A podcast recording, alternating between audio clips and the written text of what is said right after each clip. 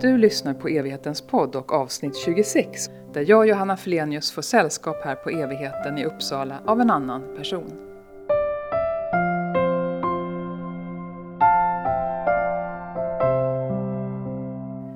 Idag pratar jag med den biträdande juristen Daniel Blomqvist, anställd vid din advokat, om det här med framtidsfullmakt. Vad är det? Hur skapar man en giltig sådan? Varför finns det och på vad sätt kan det hjälpa dig och dina efterlevande? Dagens röst har varit med tidigare i den här podden. Välkommen tillbaka, blivande advokaten Daniel Blomqvist. Tack. Vi ska prata om det här med framtidsfullmakt, har vi ju utlovat. Mm. Vad är det för någonting? Framtidsfullmakt är något som kom för ganska kort tid sedan i juridiska sammanhang i alla fall. Det var 2017 som man bestämde att det här skulle börja gälla i Sverige. Och, och kort sagt så är det en, en fullmakt då, alltså en person som lämnar fullmakt till en annan att företräda den om man inte kan företräda sig själv. Till exempel då vid sjukdom eller oförmåga. Du sa att det här kom 2017. Vad, vad är bakgrunden till att det numera finns? Det är att det finns ett behov av det. God man finns ju, det är ju den, det som fanns tidigare och som fortfarande finns kvar om en person inte kan eller behöver hjälp med sin ekonomi. Så det finns ju god man och sen finns det förvaltare också. Så en förvaltare tar över hela ansvaret. Alltså en god man är mer en hjälp, hjälpperson som hjälper personer. Och det här skulle då vara en bra komplement till det. Att här kan man själv utse vad som ska hända om, om jag blir dement.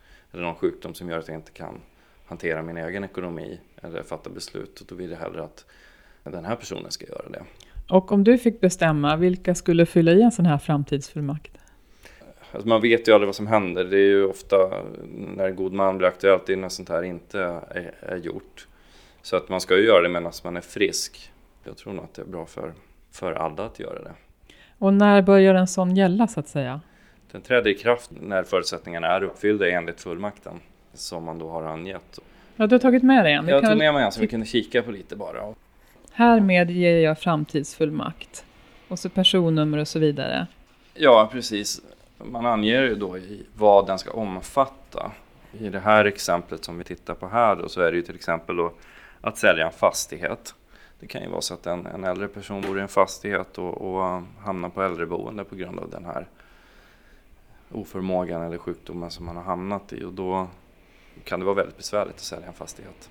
Men är det liksom relevant för alla, även om man inte har några glassiga hus som man ja, bekymrar sig för? Det kan ju också vara bra, alltså bara för att använda konton eller betala räkningar, hjälpa till med, med de praktiska delarna, eller den löpande ekonomin så att säga. Okej, och i vilka situationer brukar det bli aktuellt att eh, aktivera en sån här framtidsfullmakt så att säga? Syftet med den är att den ska gälla då när, när vissa förutsättningar är uppfyllda och det kan ju till exempel vara då att man är sjuk man inte kan företräda sig själv, man har ett försvagat hälsotillstånd. Det kan vara att man är inne i ett svårt missbruk till exempel och att den kan bli aktuell då. Alltså de som ska företräda en, det är de som får avgöra om man tycker att, att man har hamnat långt ner i missbruket till exempel? Ja, det är fullmaktshavaren då som bedömer när den ska börja gälla. Men det kan ju också vara så att man inte är överens med fullmaktsgivaren också. Och eh, det kan bli så att en domstol får bestämma att den ska få kraft. Och hur vanligt är det? Ja, jag har aldrig stött på det. Så särskilt vanligt tror jag inte det är. Men det finns ju den möjligheten i alla fall. Sen är det som sagt rätt nytt. Det är från 2017. Att det har inte hunnit hända så mycket. Men det kommer det att göra. När upphör en framtidsfullmakt att gälla? Den kan ju upphöra genom att den återkallas. Då kan ju personen handla själv och återkalla den. Säg att en person får en stroke och inte kan tala eller anses vara vid sina sinnesfulla bruk. Men sen så repar den på sig och kan själv återkalla den. Är det så du menar? Ja, dels det, men jag ska ta lite om det sen. Men det kan ju vara så att man upprättar en framtidsfullmakt och sen så hamnar man i, i, eh, i osämja med personen som är fullmaktshavare. Ja, men då måste man kunna återkalla den innan den har börjat gälla så att säga, så att den upphör. Den förstörs helt enkelt.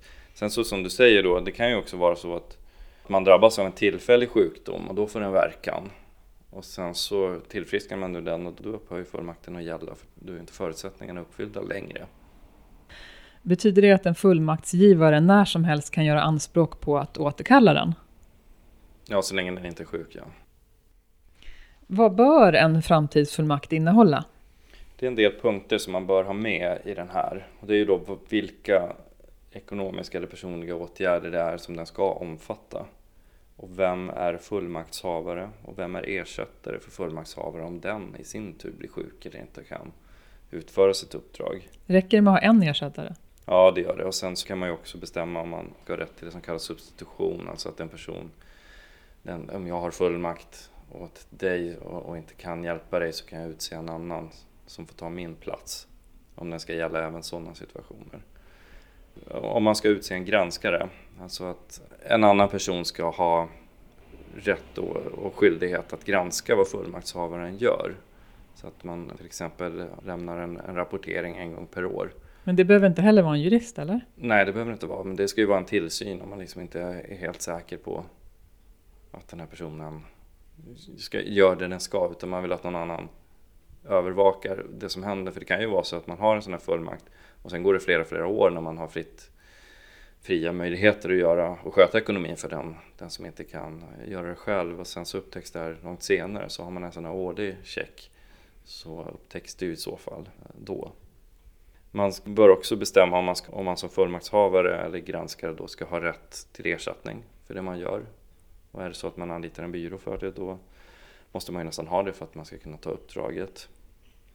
Ska man ha rätt att ge gåvor? Nu kan man inte ge vad som helst men man skulle kunna tänka sig födelsedagspresenter och så, sedvanliga gåvor. Det är okej okay att göra. Finns det anledning att liksom specificera att gåvorna ska uppgå max till ett visst belopp? Eller? Ja, det kan man göra. Det kan man göra. Sedvanliga gåvor är ju annars födelsedagspresenter.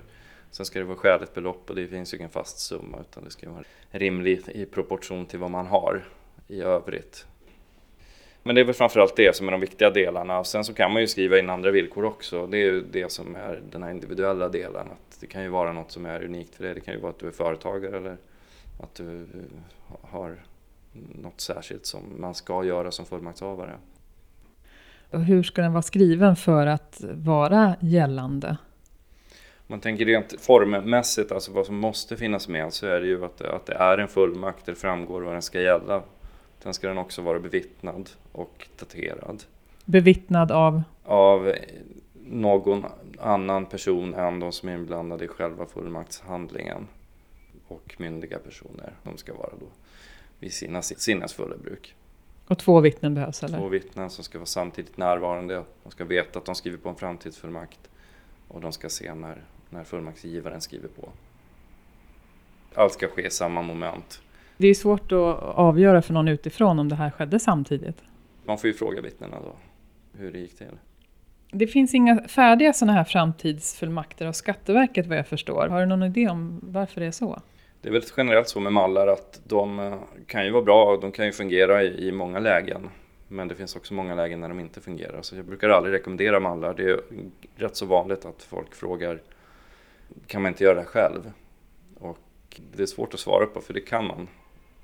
Men det, det finns ju de här liknelserna men om man ska göra ett badrum eller göra något sånt eh, man inte kan. Jag är själv en sån som gillar att fixa mycket och greja på med just praktiska saker och bygga badrum och sådana där grejer. Men jag skulle aldrig göra det utan att ta reda på exakt vad som gällde så jag känner mig säker på det. Jag har förstått att det samtidigt är så att du gillar inte när man säger det går inte att göra själv.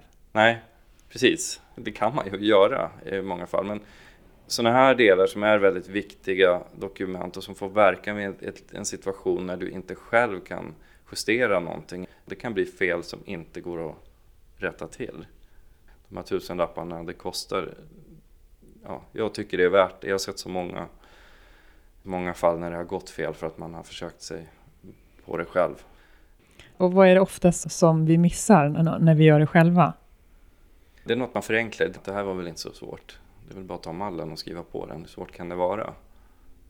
Men jag ta nu en framtidsfullmakt eller testamente eller något sånt här förebyggande avtal eller vad man ska kalla det, eller handling. Då eh, sitter jag och pratar med dem en timme och får reda på allt kring hur det ser ut kring deras situation. Det kan ju vara saker som de inte hade någon aning om att det här kanske påverkar mig. Eller jag är enkeman eller änka och jag hade inte räknat med att, att det fanns ett, ett efterarv som skulle fördelas.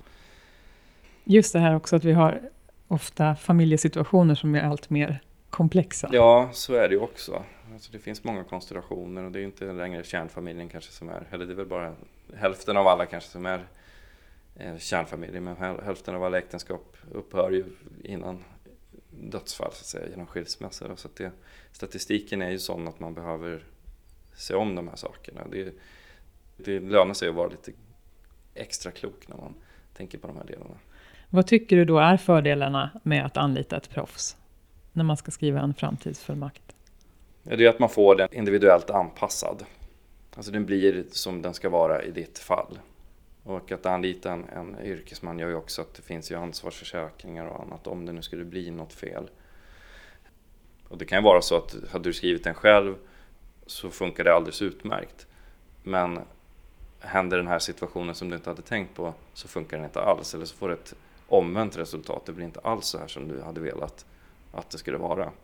Och den situationen vill man ju förstås undvika.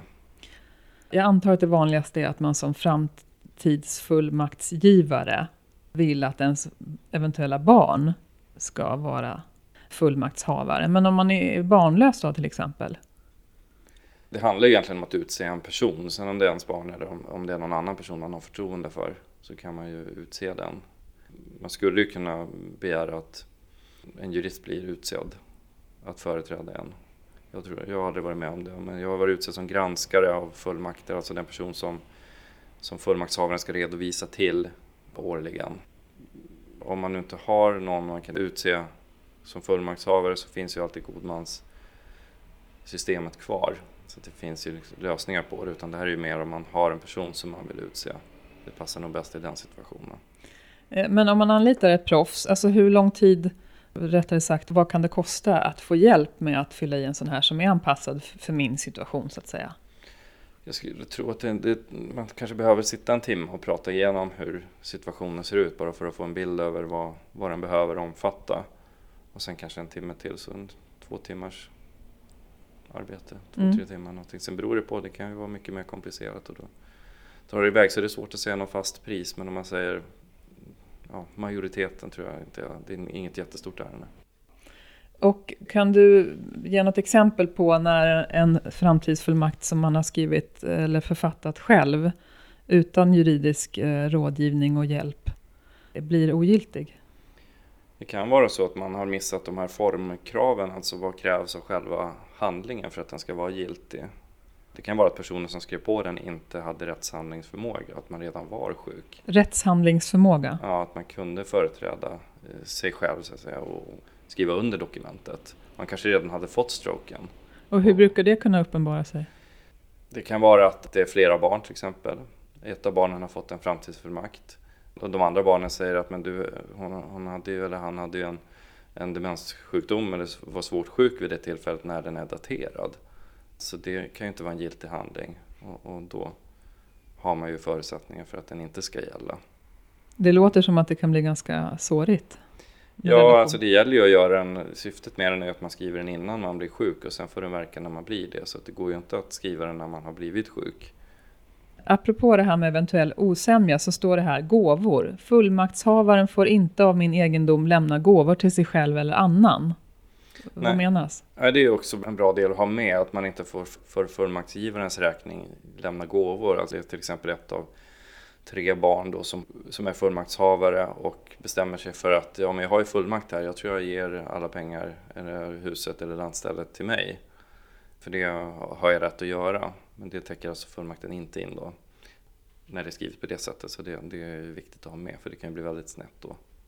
Så det förhindrar att en fullmaktstagare missbrukar situationen för sin egen räknings skull? Ja, verkligen. Vad kan en framtidsfullmakt inte omfatta? Den kan inte omfatta åtgärder inom hälso och sjukvård. Alltså sånt som, är, som läkarna och, och vårdpersonalen beslutar om. Och vad är poängen med det? Ja, det är ju att man inte kan köra över så att säga, deras beslut med stöd av fullmakten. Man kan inte genom den här lämna samtycke till medicinsk behandling heller. Och man kan inte ingå äktenskap med stöd av fullmakten. Säg att, att föräldrarna är, är sambor och eh, det blir andra regler som gäller arvsmässigt.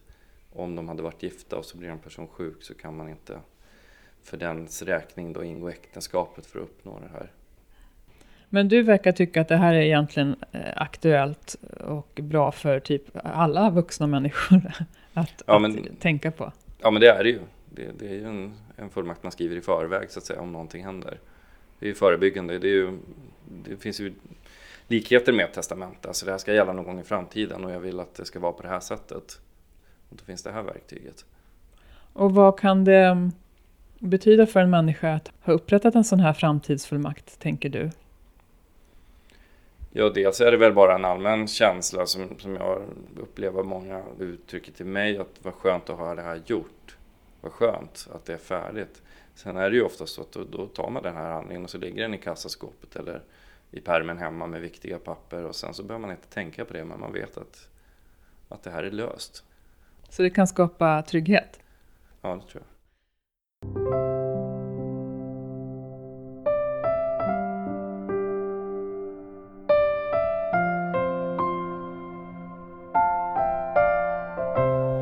Det berättar Daniel Blomqvist och nästa gång han är med i Evighetens podd så kommer det handla om bouppteckning och arvskifte.